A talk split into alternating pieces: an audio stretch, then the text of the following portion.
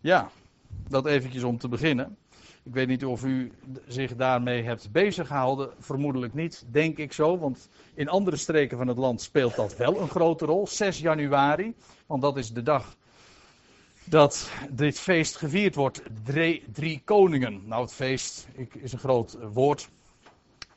Maar in elk geval is dat een dag op de kerkelijke, kerkelijke kalender. Of dat nou uitsluitend de rooms-katholieke kalender is, dat weet ik even niet. Is dat zo? Maar ik weet dat het in Brabant en in Limburg uh, toch wel uh, uitdrukkelijk. Oh, dan vieren ze kerst op 6 Oké, maar uh, dit is dus het feest van de drie koningen. En alleen de naam verraadt al dat het eigenlijk helemaal beheerst wordt door traditie. En dat het Bijbels getuigenis er compleet, in, compleet is weggecijpeld. Er is niks van overgebleven. In de naam zelfs is er niks van overgebleven. Want moet je nagaan, drie koningen, dat gaat dan over de geschiedenis waar we het vanavond over hebben, Matthäus 2. Maar uh, de grap is dat als je dat leest in Matthäus 2, dan lees je niet over drie en je leest ook niet over koningen. Kortom, dus de naam klopt al helemaal niet. Je leest helemaal niet dat het koningen waren. Het waren magiërs, daarover straks meer. En inderdaad, drie waren het er ook niet. Het enige wat je in Matthäus 2 leest over drie, dat is dat ze drie geschenken gaven: goud, mirre en wierook. En het was geen januari. En het was geen januari. En dus ook niet de zesde.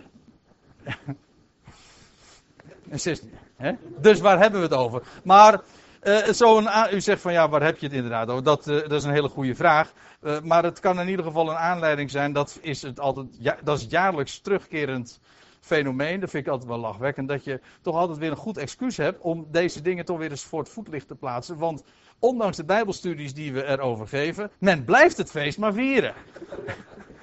ja. heel gek. En, en het staat op internet.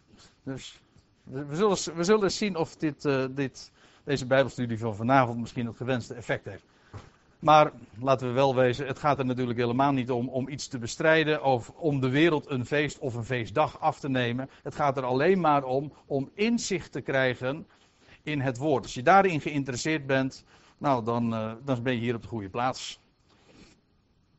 Dat hoop ik tenminste dat dat uh, het geval ook zal zijn deze avond. Het onderwerp is dus dit: de ster van Bethlehem. Niet zozeer de geschiedenis van de magiërs uit het oosten, want die is nog wat uitgebreider dan we vanavond zullen behandelen. Het gaat specifiek over de ster van Bethlehem. Wat hebben de wijzen nou eigenlijk gezien? Wat bracht hen nou in Israël? Wie waren zij? En hoe konden ze nou weten dat daar een koning der Joden was geboren, et cetera, et cetera. Er zijn nog heel wat meer vragen, maar al die vragen die je erover zou kunnen stellen, ik hoop ze vanavond te kunnen beantwoorden. Maar dan moeten we wel doorgaan en dat gaan we dan ook doen. Laat ik eerst eventjes ter inleiding een paar dingen zeggen over de sterren in het algemeen. En over sterrenbeelden. We hebben vanmorgen, of vanavond hebben we meteen al een lied gezongen, waarbij we meteen de, de goede toon hebben gezet zal ik maar zeggen. Over ja, wat, wat sterren zijn. Nou, sterren zijn schepselen van God. God is degene die hemel en aarde gemaakt heeft. Hij is de creator, hij is de bedenker daarvan. En hij heeft zelfs, lezen we in Psalm 148, hij roept de sterren allen bij namen.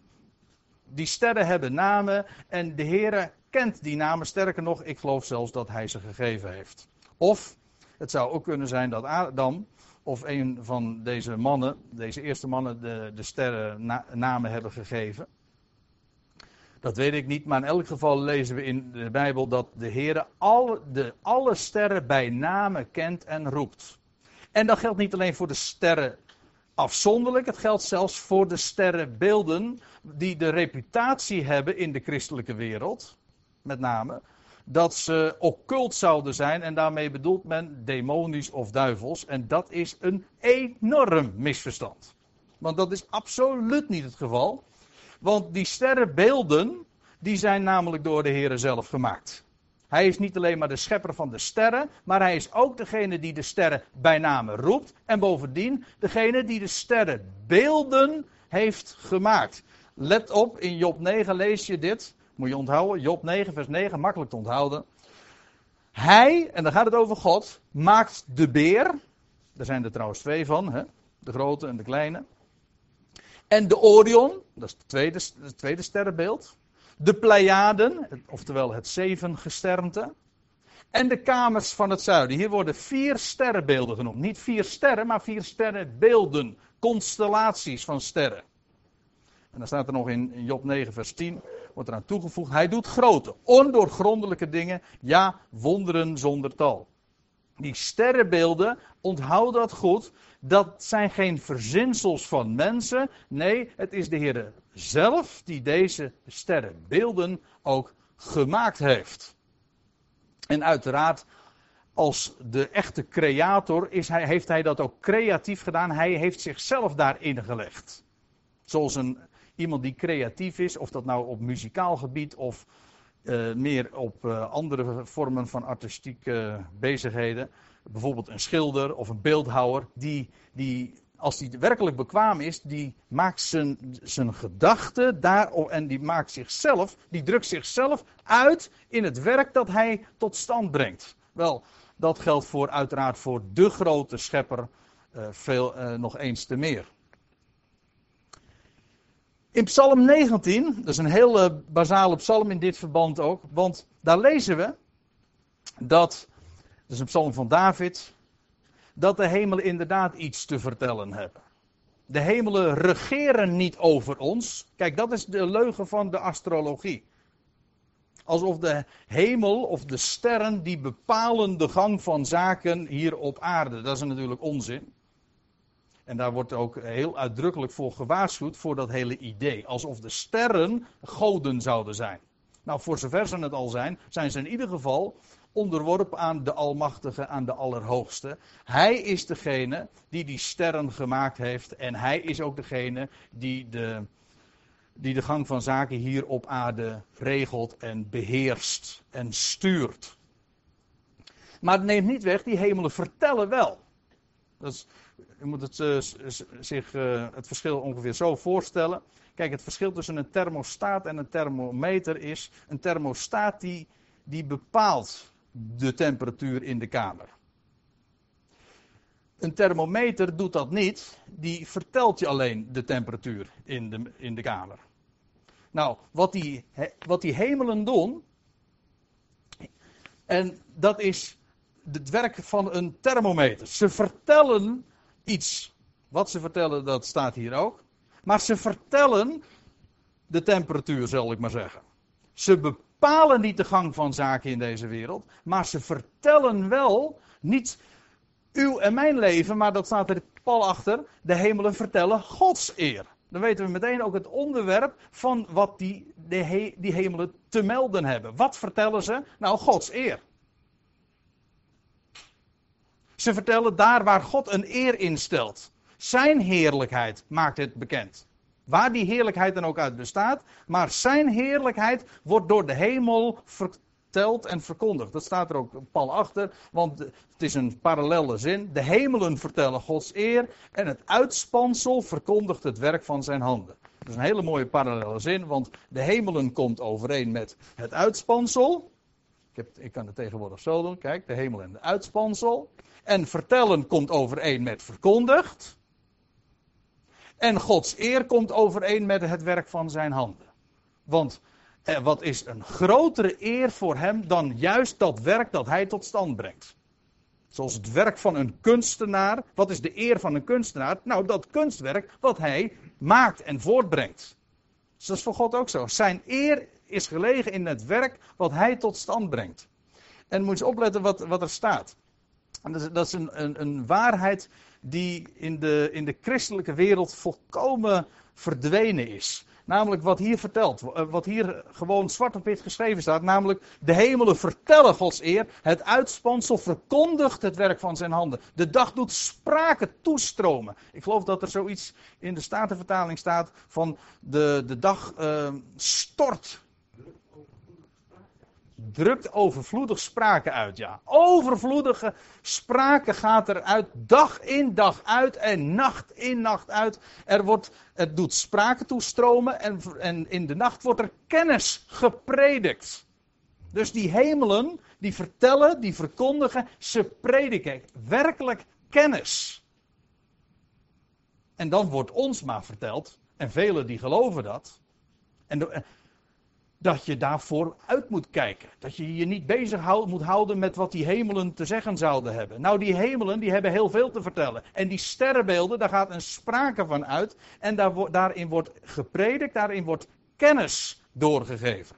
De nacht predikt kennis.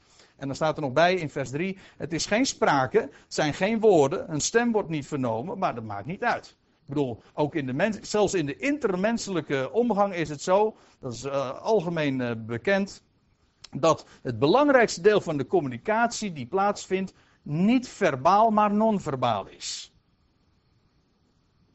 Uh, je kunt dingen vertellen, maar de dingen die je vertelt, die, worden, die krijgen met name kleur en zijn betekenis door, door, nou, door je houding, door de intonatie, door uh, bepaalde gebaren. Ik doe dit, dat is, dat is allemaal non-verbaal. Maar daar gaat er sprake van uit. Nou, zoals het met, met het he, de hemel ook. Je hoort niks. Er is geen sprake, het zijn geen woorden, een stem wordt niet vernomen. Nee, het is allemaal tot je dienst. Maar, staat er in vers 4 8, nog bij. Toch gaat hun prediking uit over de ganse aarde. En hun taal is tot aan, de eind, tot het, aan het einde van de wereld. Dichterlijke overdrijving? Ja, als je niet begrijpt wat er staat, of als je niet gelooft wat er staat, dan is dat natuurlijk de eerste verklaring waar, waar je natuurlijk naar grijpt. Dat is poëtische taal, met erg opgezwollen, maar die je niet zo moet nemen als dat er staat. Ik zal u dit vertellen. Paulus dacht er anders over. Ik zal het u laten zien. Want Paulus haalt dit vers namelijk uit Psalm 19 aan in Romeinen 10.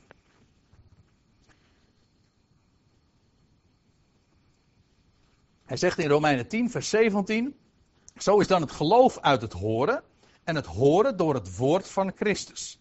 Het is midden in een betoog dat Paulus daar houdt over Israël.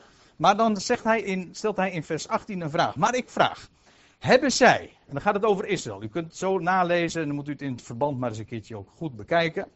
Hij zegt, of Paulus vraagt: Hebben zij, gaat over Israël, heeft Israël het dan niet gehoord? En dan moet je eens opletten wat Paulus zegt. En dan haalt hij Psalm 19 aan. Zeer zeker, zegt hij. Over de ganse aarde is hun geluid uitgegaan en tot aan het einde der wereld hun woorden. Ziet u wat er, we hadden gelezen in Psalm 19 aan, in vers 4, aan het eind? Toch gaat hun prediking uit over de ganse aarde en hun taal tot aan het einde der wereld. Waar gaat het over? Hier gaat het over de, over de taal, over de prediking, over de kennis die aan de, aan de hemel verteld wordt. Nou, Paulus zegt. Dat woord van Christus heeft Israël ook gehoord. Ja, wis en waarachtig. want hij, kijk, als in vers 18 staat. Ik vraag, hebben zij, heeft Israël het dan niet gehoord? Wat bedoelt hij dan met het? Nou, even goed lezen, vers 17 gaat het over. Het woord van Christus, dat is het onderwerp. Heeft Israël dat dan niet gehoord? zegt Paulus. Zeer zeker. Want over de ganse aarde is hun geluid uitgegaan. En tot aan het einde der wereld hun woorden. Met andere woorden, aan die hemelen, waar het in Psalm 19 over gaat, in dat citaat dus. Aan de hemelen wordt kennis gepredikt. Daar wordt gewoon het woord van Christus bekendgemaakt. Israël had het kunnen weten. Niet alleen maar vanuit de schriften. Ik kom daar straks op terug. Maar gewoon ook omdat er een sprake vanuit de hemel, van de hemel uitgaat. En dan hadden ze ook kunnen weten van Christus. En als u het niet geloven wil, nou dan moet je in Matthäus 2 maar eens dat lezen. Want, en daar gaan we dan nu dan ook vervolgens naartoe. Want daar vind je dat exact dus bevestigd. Nog één uh, ding uh, voordat ik inderdaad naar Matthäus 2 ga. Ik wil nog wijzen op één tekst in nummer 24. Dat is een uitspraak die je leest uh, van Biliam die daar onvrijwillig overigens, maar geweldige woorden uitspreekt en een profetie, voorzeggingen doet over Israël. nummer 23, nummer 24, uh, vind je die reden die Biliam dan houdt. Je weet wel, die man met die sprekende ezel. Ja. Nou, midden in, die, in dat betoog wat, wat Biliam dan houdt, die profetische reden, dan zegt hij op een gegeven ogenblik dit. Biliam was een heiden. Biliam kwam uit de streken van Irak. Ja. Uit dezelfde streken ongeveer, we zijn niet zo heel erg precies nu, waar ook die wijzen vandaan kwamen. Maar goed, Biliam die zegt op een gegeven ogenblik dit. Dat is een profetie. Er zal, dat is een, een toekomstige vorm, dat is een aanzegging dus. Er zal een ster voortkomen uit Jacob. En er zal een scepter uit Israël opkomen. Dus op een of andere manier heeft een ster te maken met een scepter. Als er een ster zal verrijzen, hoe dan ook, uit Jacob. Weet wel, de vader van de twaalf. Ik zeg het expres even zo, want we gaan het straks nog over de dierenriem hebben. Over de twaalf tekens van de dierenriem. Nou, er zal een ster voortkomen uit Jacob en dat zal de aanwijzing zijn van dat er een scepter ook zal verrijzen in, uh, uh, vanuit Israël.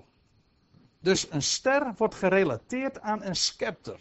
Ik wijs er nog eventjes voor de fijnproevers op dat er gesproken wordt over een ster die voortkomt uit Jacob. Jacob is de naam van hem die nog niet gelooft.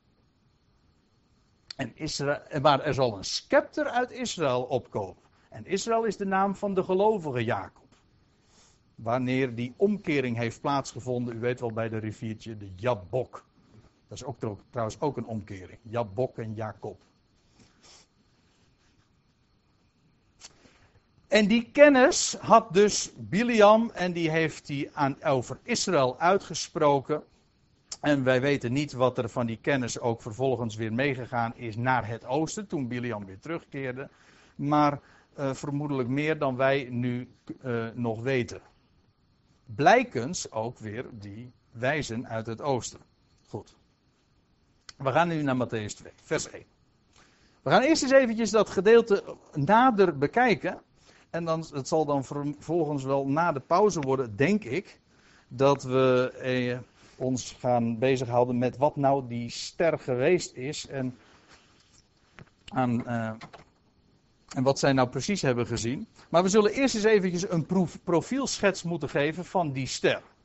Wat zegt de Bijbel nou over die ster van Bethlehem? Nou, laten we beginnen bij het begin, vers 1. Toen nu Jezus geboren was te Bethlehem, dat wordt in Matthäus 1 dus al beschreven, in Judea, in de dagen van koning Herodes.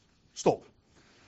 Hier moet ik eventjes iets meer over zeggen, want over die Herodes is namelijk nogal wat te doen. En dat is heel een, een belangrijk figuur ook in verband met de datering. Weet u wat het punt is? We weten één ding zeker, dat is dat je, uh, je, de heer Jezus is geboren in de dagen dus van koning Herodes. We weten ook dat, dat koning Herodes al snel na de geboorte van de Heer Jezus is gestorven. Dat lezen we trouwens ook in Matthäus 2. De vraag is, wanneer is die Herodes gestorven? Wel, tot ongeveer 1500 is het antwoord op die vraag altijd geweest ongeveer 1 voor Christus. Toen, na 1500, en ik ben uh, erg, uh, erg ruim en erg grof met, met het aangeven van deze jaartallen. Maar na die tijd, toen werd er een ander jaartal opgegeven. En dat heeft alles te maken met de geschriften van Flavius Josephus. Dat ging men anders lezen. En toen zei men van, dat moet gebeurd zijn, uh, dat wil zeggen die dood van Herodes, in 4 voor Christus. Nu, de laatste 20 jaar, is het tij weer aan het keren. En zijn er velen inmiddels tot het inzicht gekomen dat het in het oorspronkelijke inzicht, namelijk dat Herodes inderdaad één voor Christus gestorven is, correct blijkt te zijn. Dat heeft alles te maken met de verschijning ook van dit boek, wat ik hier nu laat zien. The Star That Astonished the World, van Dr. Martin. En het is al vele malen dat uh, ik aan deze man en zijn geschriften aandacht heb gegeven. En trouwens, Meerdere keren zijn daar studies over gegeven, over de, dat wat hij naar voren heeft gebracht. Het is zelfs zo dat, uh, dat wat hij naar voren heeft gebracht in dat boek, over de ster van Bethlehem, en, en, de hele datering ook van de geboorte van de Heer Jezus en alles wat daaraan uh, gekoppeld is, dat is uh,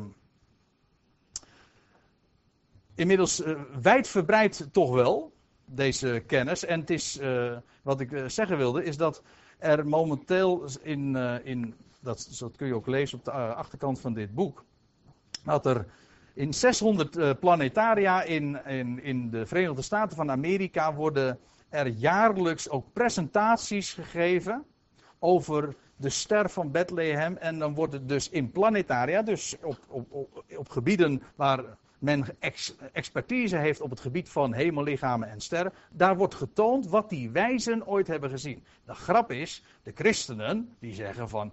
Ja, dat is allemaal figuurlijk, dat is mythisch. Maar gewoon neutrale planetaria, die vertellen wat die wijzen hebben gezien. Heel concreet en heel duidelijk. Net voordat we deze avond begonnen, toen, uh, toen vertelde Ton nog dat hij van iemand een studie had gehoord. Mag ik toch wel zeggen, Ton? Ik zal geen namen noemen, behalve dan die van jou natuurlijk. ja, ja. Maar die had, uh, die had een Bijbelstudie gehoord die overigens heel goed was, zei hij. Maar uh, die man die had gezegd van die ster van Bethlehem. Ja, dat, die ster dat was gewoon de Heilige Geest. En uh, dat moest je dus kennelijk allemaal figuurlijk opvatten.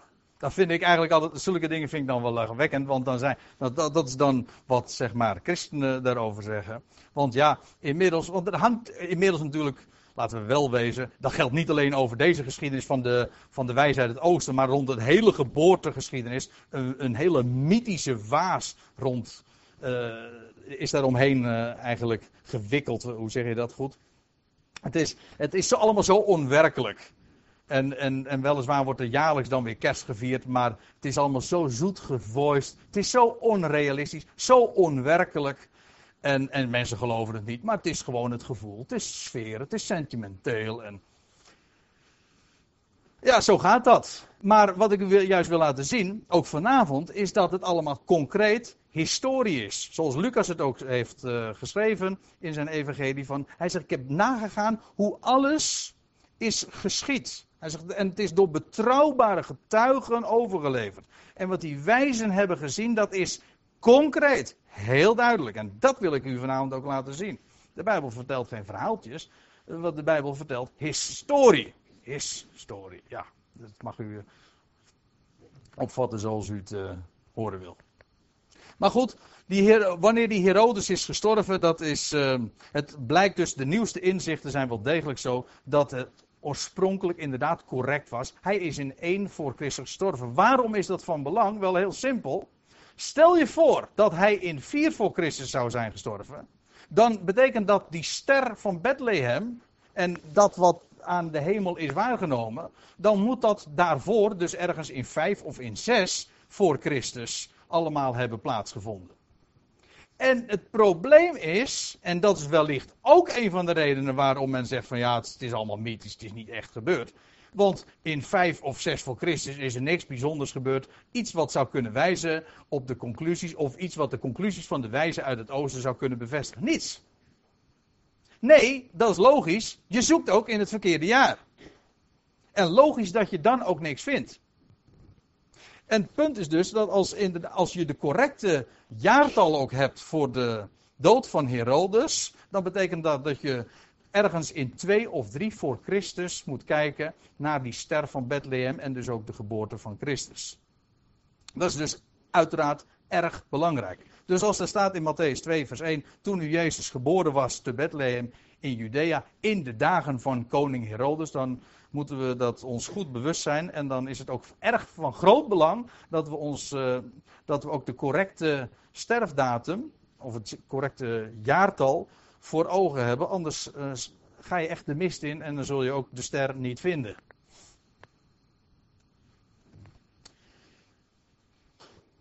Vervolgens in vers 1. Toen Jezus geboren was te Bethlehem in, de in Judea in de dagen van koning Herodes, dat zagen we al. Zie, wijzen uit het oosten kwamen te Jeruzalem.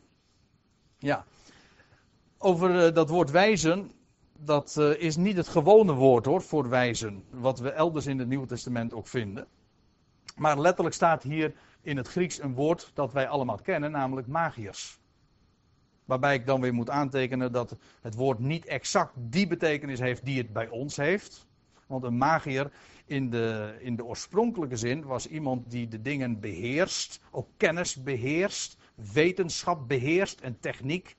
Uh, en, en, mannen van, van naam, mannen van, van inzicht en geleerdheid. Dat waren die magiërs. En we komen ze al tegen in, in het boek Daniel. Sterker nog, Daniel was aangesteld tot hoofd van de magiërs ooit. We, weten, we kunnen dat vinden in Daniel 2, in een van de laatste versen van dat hoofdstuk. Nadat Daniel bij koning Nebukadnezar uitleg heeft gegeven van de droom. Nee, wat zeg ik? Hij heeft verteld wat hij gedroomd had. En bovendien heeft hij uh, uitleg gegeven over de betekenis van die droom. En hij heeft verteld hoe dat beeld wat hij gezien had, een vier op één volgende wereldrijken representeerde. Nou, koning Nebukadnezar is daar helemaal van ondersteboven. En dan lees je, toen verhief de koning Daniel en hij schonk hem vele grote geschenken. Ja, hij maakte hem tot heerser over het gehele West-Babel. Wat dus in het oosten ligt. Dat wil zeggen in het oosten ten opzichte van Israël, uiteraard ten opzichte van Judea. En hij maakte hem tot opperhoofd over alle wijzen van Babel. Als je dit in de Septuagint leest, dan staat hier het woordje wijzen. Maar dan is, eh, is dat hetzelfde woord wijzen als wat we in Matthäus 2, vers 1 ook tegenkomen. Namelijk magiërs. Dus uh, het was Daniel zelf die ooit gemaakt is tot opperhoofd van die magiërs in Babel. En daar waren ook vele scholen van, van geleerden. Dus het waren mensen die zich bezighielden met de sterrenwereld en met, uh, met die hogere vormen van wetenschap. Ook inderdaad met de betekenis van sterrenbeelden. Inmiddels is dat kennis die bij ons compleet verdwenen is. Maar toen wist men nog dat die dingen betekenis hadden. En we lezen trouwens ook bij uh, verschillende gelegenheden dat die wijzen, die magiërs, althans bepaalde scholen onder hen, uh, ook bij de Joden in groot aanzien stonden. We lezen van een, uh, van een Egyptische wijsgeer, een Joodse wijsgeer, Philo heet die man. En die heeft met, met de grootste achting gesproken over die magiërs daar in het oosten, daar in het gewest Babel. En wellicht dat daar ook Joden onder waren of mensen die uh, afstamden van het volk van God. Wij weten ook niet uh, wat voor figuren verder die wijzen geweest zijn. We weten namelijk helemaal niet, we hadden het er al eventjes over, hoeveel het er waren. Nou, wij denken toch altijd, zo hardnekkig is de traditie, je denkt toch stiekem altijd weer aan drie, hè? Heb je dat ook? Ja, maar dat, dat kan natuurlijk best, maar het zijn er in ieder geval twee geweest, dat is waar. Maar uh, voor, de rest is elk aantal daarboven eigenlijk in principe denkbaar. Want het waren, het waren magiërs. uh, twee of meer. Uh, maar wel wat voor identiteit zij hadden. Of dat zij misschien ook nog Joods bloed hadden. Of dat ze nog kennis hadden van het Joden. We weten het allemaal niet. Vermoedelijk hebben zij wel heel veel geweten. Want het waren per slot verrekening mannen van wetenschap en hooggeleerde mensen. Goed, zij kwamen daar dus aan in Judea. En zij vroegen, waar, vind ik zo mooi hè. Waar, vroegen, waar is de koning der Joden die geboren is? Moet je eens opletten hoe die vraag gesteld wordt. Er wordt niet gevraagd van, is de koning der Joden soms geboren? De vraag is niet of die geboren is, ze vragen, waar is die geboren? We weten al dat hij geboren is. Hoe wisten ze dat? Nou, het staat erachter. Want wij hebben zijn ster in het oosten gezien. Daarom. Zij wisten dus. De ster die wij hebben gezien in het oosten. Tussen twee haakjes, dat betekent letter in het oosten. Dat is niet uh, correct vertaald. Letterlijk staat er. Dat is wel een beetje begrijpelijk. En in de praktijk maakt het ook niet zo heel veel verschil. Maar het staat letterlijk in het opkomen. In de opgang. Zo wordt het trouwens ook heel vaak vertaald hoor. in, het, uh, in het opgaan, in de opgang. Hetzelfde, dezezelfde frase vinden we heel vaak ook in verband met de zon. Bijvoorbeeld als er staat in openbaring dat uh, legers kwamen van de opgang der zon. Van de opgang. Nou, het oosten is de plaats waar de zon opgaat, maar niet alleen de zon gaat op daar, maar vrijwel alle sterren ook. Nou, ja, in de praktijk wel, ja. Want u weet, het, hemel, het hemelrond draait, of zo u wilt, de aarde roteert. Dat maakt me nu even helemaal niks uh, niet uit. In elk geval, uh, die draait dus oost. Uh, dat gaat dus, alles komt op in het oosten. De zon komt op in het oosten, maar sterren komen dus net zo goed op in het oosten. En zij hadden hem zien opkomen, ja inderdaad, in het oosten. Dat is waar. Het was dus niet, de betekenis is dus niet dat toen wij in het oosten waren, hebben wij hem gezien. Nee, ze hebben, ze hebben hem, zij waren inderdaad in het oosten, maar ze hebben ook die ster in het oosten, dat wil zeggen in het opgaan gezien. Snapt u het verschil? Goed, en dat betekent dus, zij konden uit die ster opmaken dat daar een koning was, dat er sprake was van koningschap, dat er sprake was van een geboorte, en dat het iets te maken moest hebben met het Joodse volk. Dat alles hebben zij uit die ster opgemaakt. En daar hadden ze kennelijk geen enkele twijfel over, gezien de vraag die zij stellen. Ze vragen, waar is die geboren? Dus niet of die geboren is, dat was voor hen zonneklaar. Nou, ze zeggen, wij zijn gekomen om hem hulde te bewijzen. En toen koning Herodes hiervan hoorde, ontstelde hij en geheel Jeruzalem met hem. Waaruit trouwens ook weer blijkt, toch wel, dat deze magiërs inderdaad een, eh, een hele zware delegatie was. En in hoog aanzien stonden, wat, wat ik zojuist al even aangaf. Want koning Herodes die is op de hoogte van deze magiërs. Die, uh, we zullen dat trouwens ook uh, straks in het vervolg zien. En zij, zij vernemen dat dus. En koning Herodes die raakt daarvan ontsteld. Ja, dat is nogal logisch. Want u weet, koning Herodes was weliswaar koning der Joden. Maar hij was niet de koning waar de Joden op wachten. Integendeel.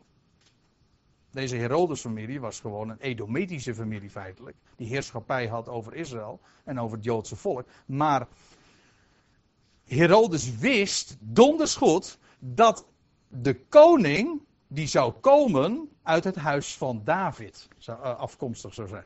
Dat wist hij. Dat wil dus zeggen, aangezien hij die boodschap van, Herode, van die magiërs heel serieus neemt, raakt hij ontsteld. Dat wil zeggen, hij, hij is hier helemaal uh, van ondaan, want hier was sprake van een gevaarlijke concurrent. En hij speelt dan ook, hij stelt ook alles in het werk vervolgens in, in de latere geschiedenis om dat maar te voorkomen. Trouwens, je leest ook nog erbij en geheel Jeruzalem met hem. Ja, waarom? Kijk, Jeruzalem, daar was de verwachting ook, we hebben daar bij andere gelegenheden ook wel over gesproken. In die dagen was er een hele hooggespannen messiaanse verwachting. Men wist, rond deze tijd moet de Messias gaan komen. Dat wist men gewoon ook, want dat was keurig allemaal gedateerd. We vinden dat in de profetie van Daniel 9, waar we ooit een keer een Bijbelstudiedag over hebben gehouden.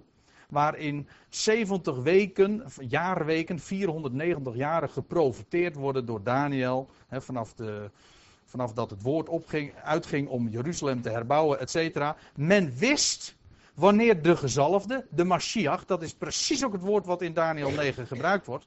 Wanneer die Mashiach, die Messias, zou komen. En dat was rond die tijd. Het is daarom ook in, dat in deze decennia die ook gaan volgen, dat er heel veel valse messiassen verschijnen.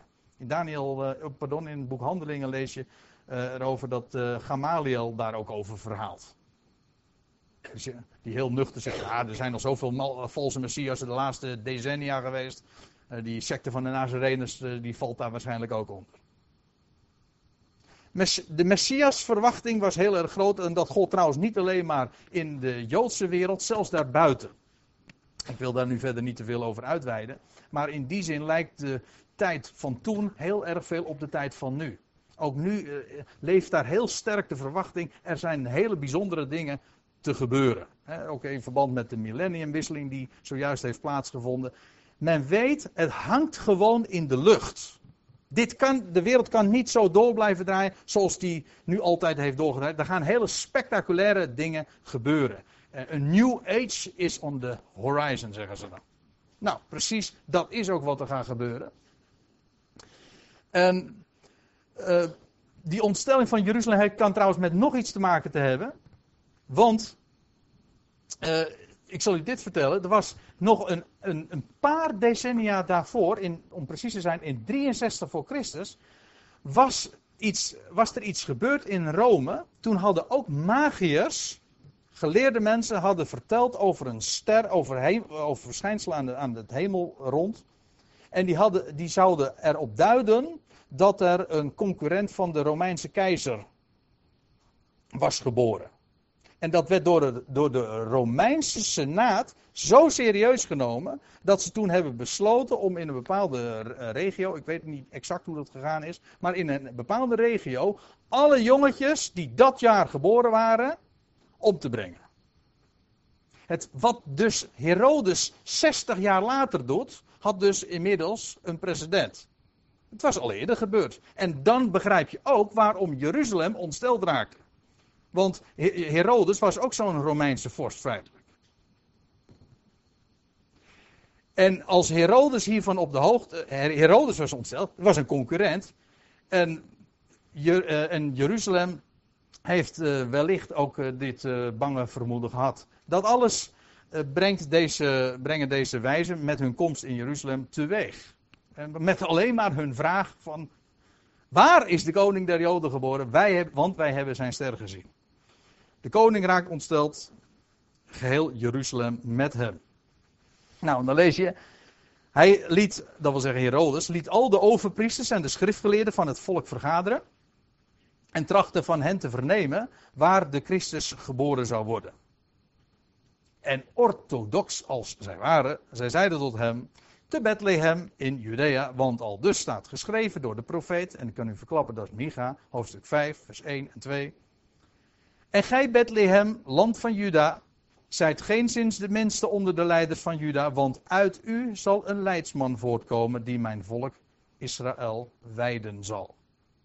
Ze konden dus perfect vertellen waar inderdaad dat zou plaatsvinden waar de Messias, de koning, de beloofde koning der Joden, geboren zou worden. Namelijk in, die, in dat dorp en in die streek waar ooit ook koning David geboren is. En trouwens ook dienstvoorvader Boas. Maar degene die de laatste maanden bijbelstudies hebben gevolgd in Soetermeer, die uh, weten inmiddels een klein beetje hoe dat zit. Daar hebben we het vaker over gehad, hè?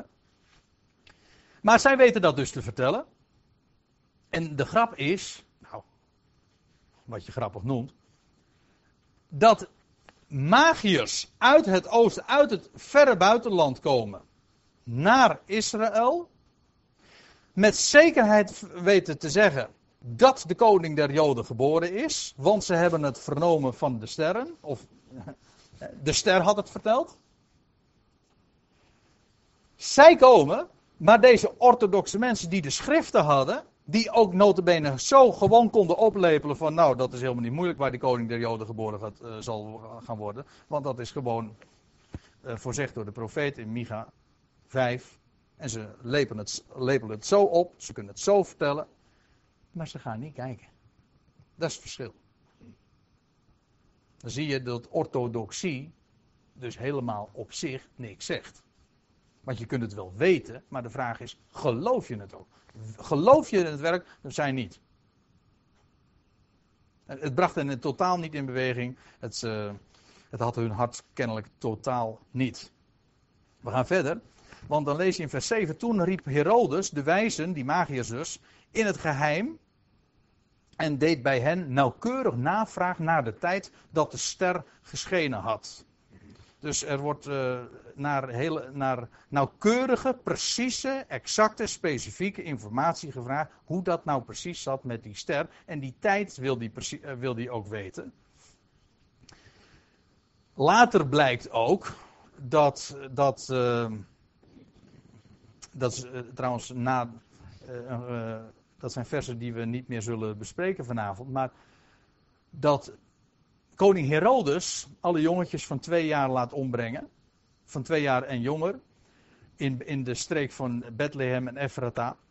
En dan, is dat, eh, dan staat er nog bij. Overeenkomstig de tijd die hij bij de magiërs had vernomen. Of had uitgevorst. Of na, had nagevraagd.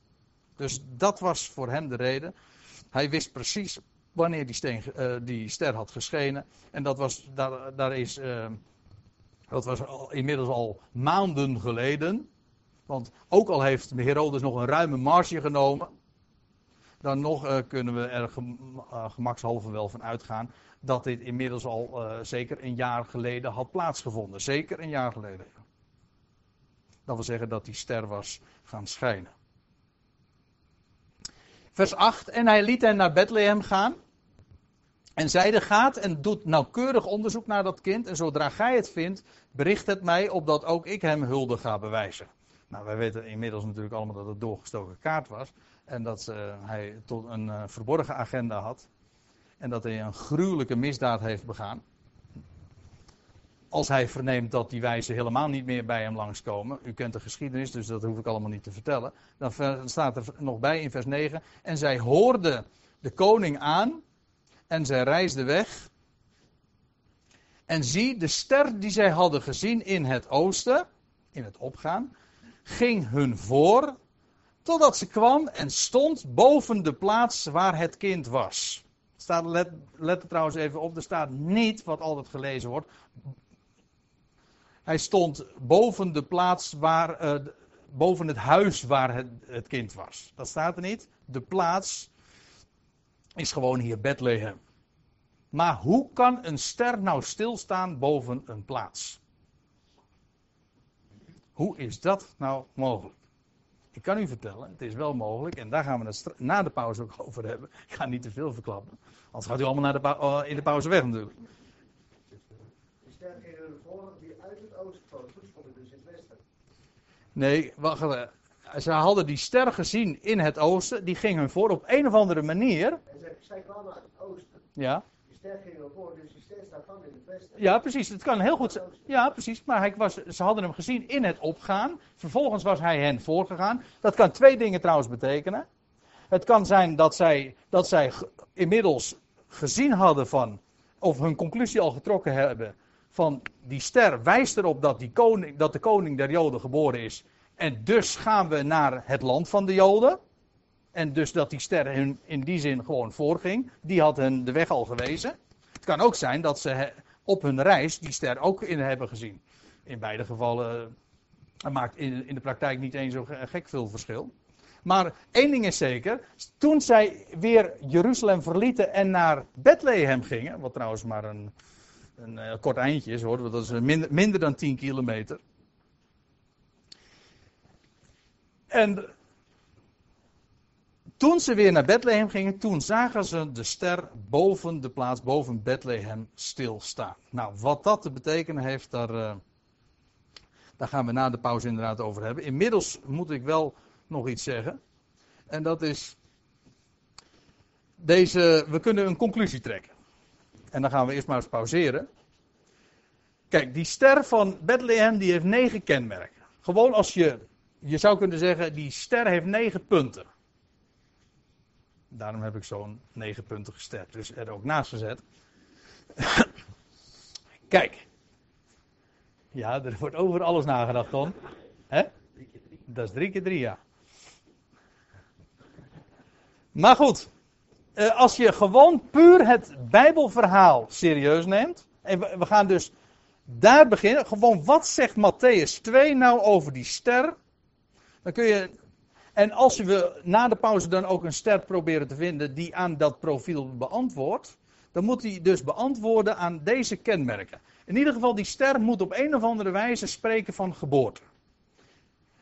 Het betekent koningschap. Het had iets met de Joden te maken. Nou, dat was die korte vraag van, de, van die magiërs. Waar is de koning der Joden geboren? Punt 4. Het ging ooit op in het oosten. Wat op zich niet zo heel erg bijzonder is, maar hou hem vast. kenmerk 5. Het verscheen op een specifiek tijdstip. Kenmerk 6. Herodes wist niet van de betekenis. Herodes moest dus, na pas nadat Herodes uitleg had gekregen over die ster, toen raakte hij ontsteld. Dus het had uitleg nodig. Alleen het fenomeen zelf zien eh, gaf, wa- was nog niet genoeg om te weten van, oh, die koning der Joden is geboren. Het had dus uitleg nodig. En dat is wat Herodes dan ook inderdaad kreeg. Kenmerk 7, waar ook die ster aan moet voldoen. eh, die ster verscheen over langere tijd. Sowieso had hij ooit, toen ze in het oosten waren, hadden ze hem gezien. Vervolgens was hij en voorgegaan, letterlijk of figuurlijk, dat maakt me geen verschil. Want waarom maakt het geen verschil? Wel, toen zij vanuit Jeruzalem weer teruggingen, of verder gingen naar Bethlehem, toen stond die ster boven Bethlehem. Dus die ster verscheen over langere, tijd, verscheen over langere tijd. Kenmerk 8. Eh, de ster eh, ging dus de magiërs voor naar Bethlehem.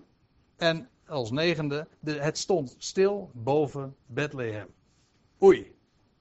Wat, aan welke ster zouden we nu moeten denken?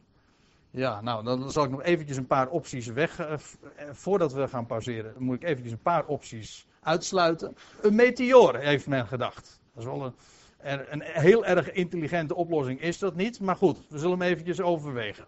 Een meteoor, u weet wat het is, een vallende ster. Zou dat een vallende ster geweest kunnen zijn?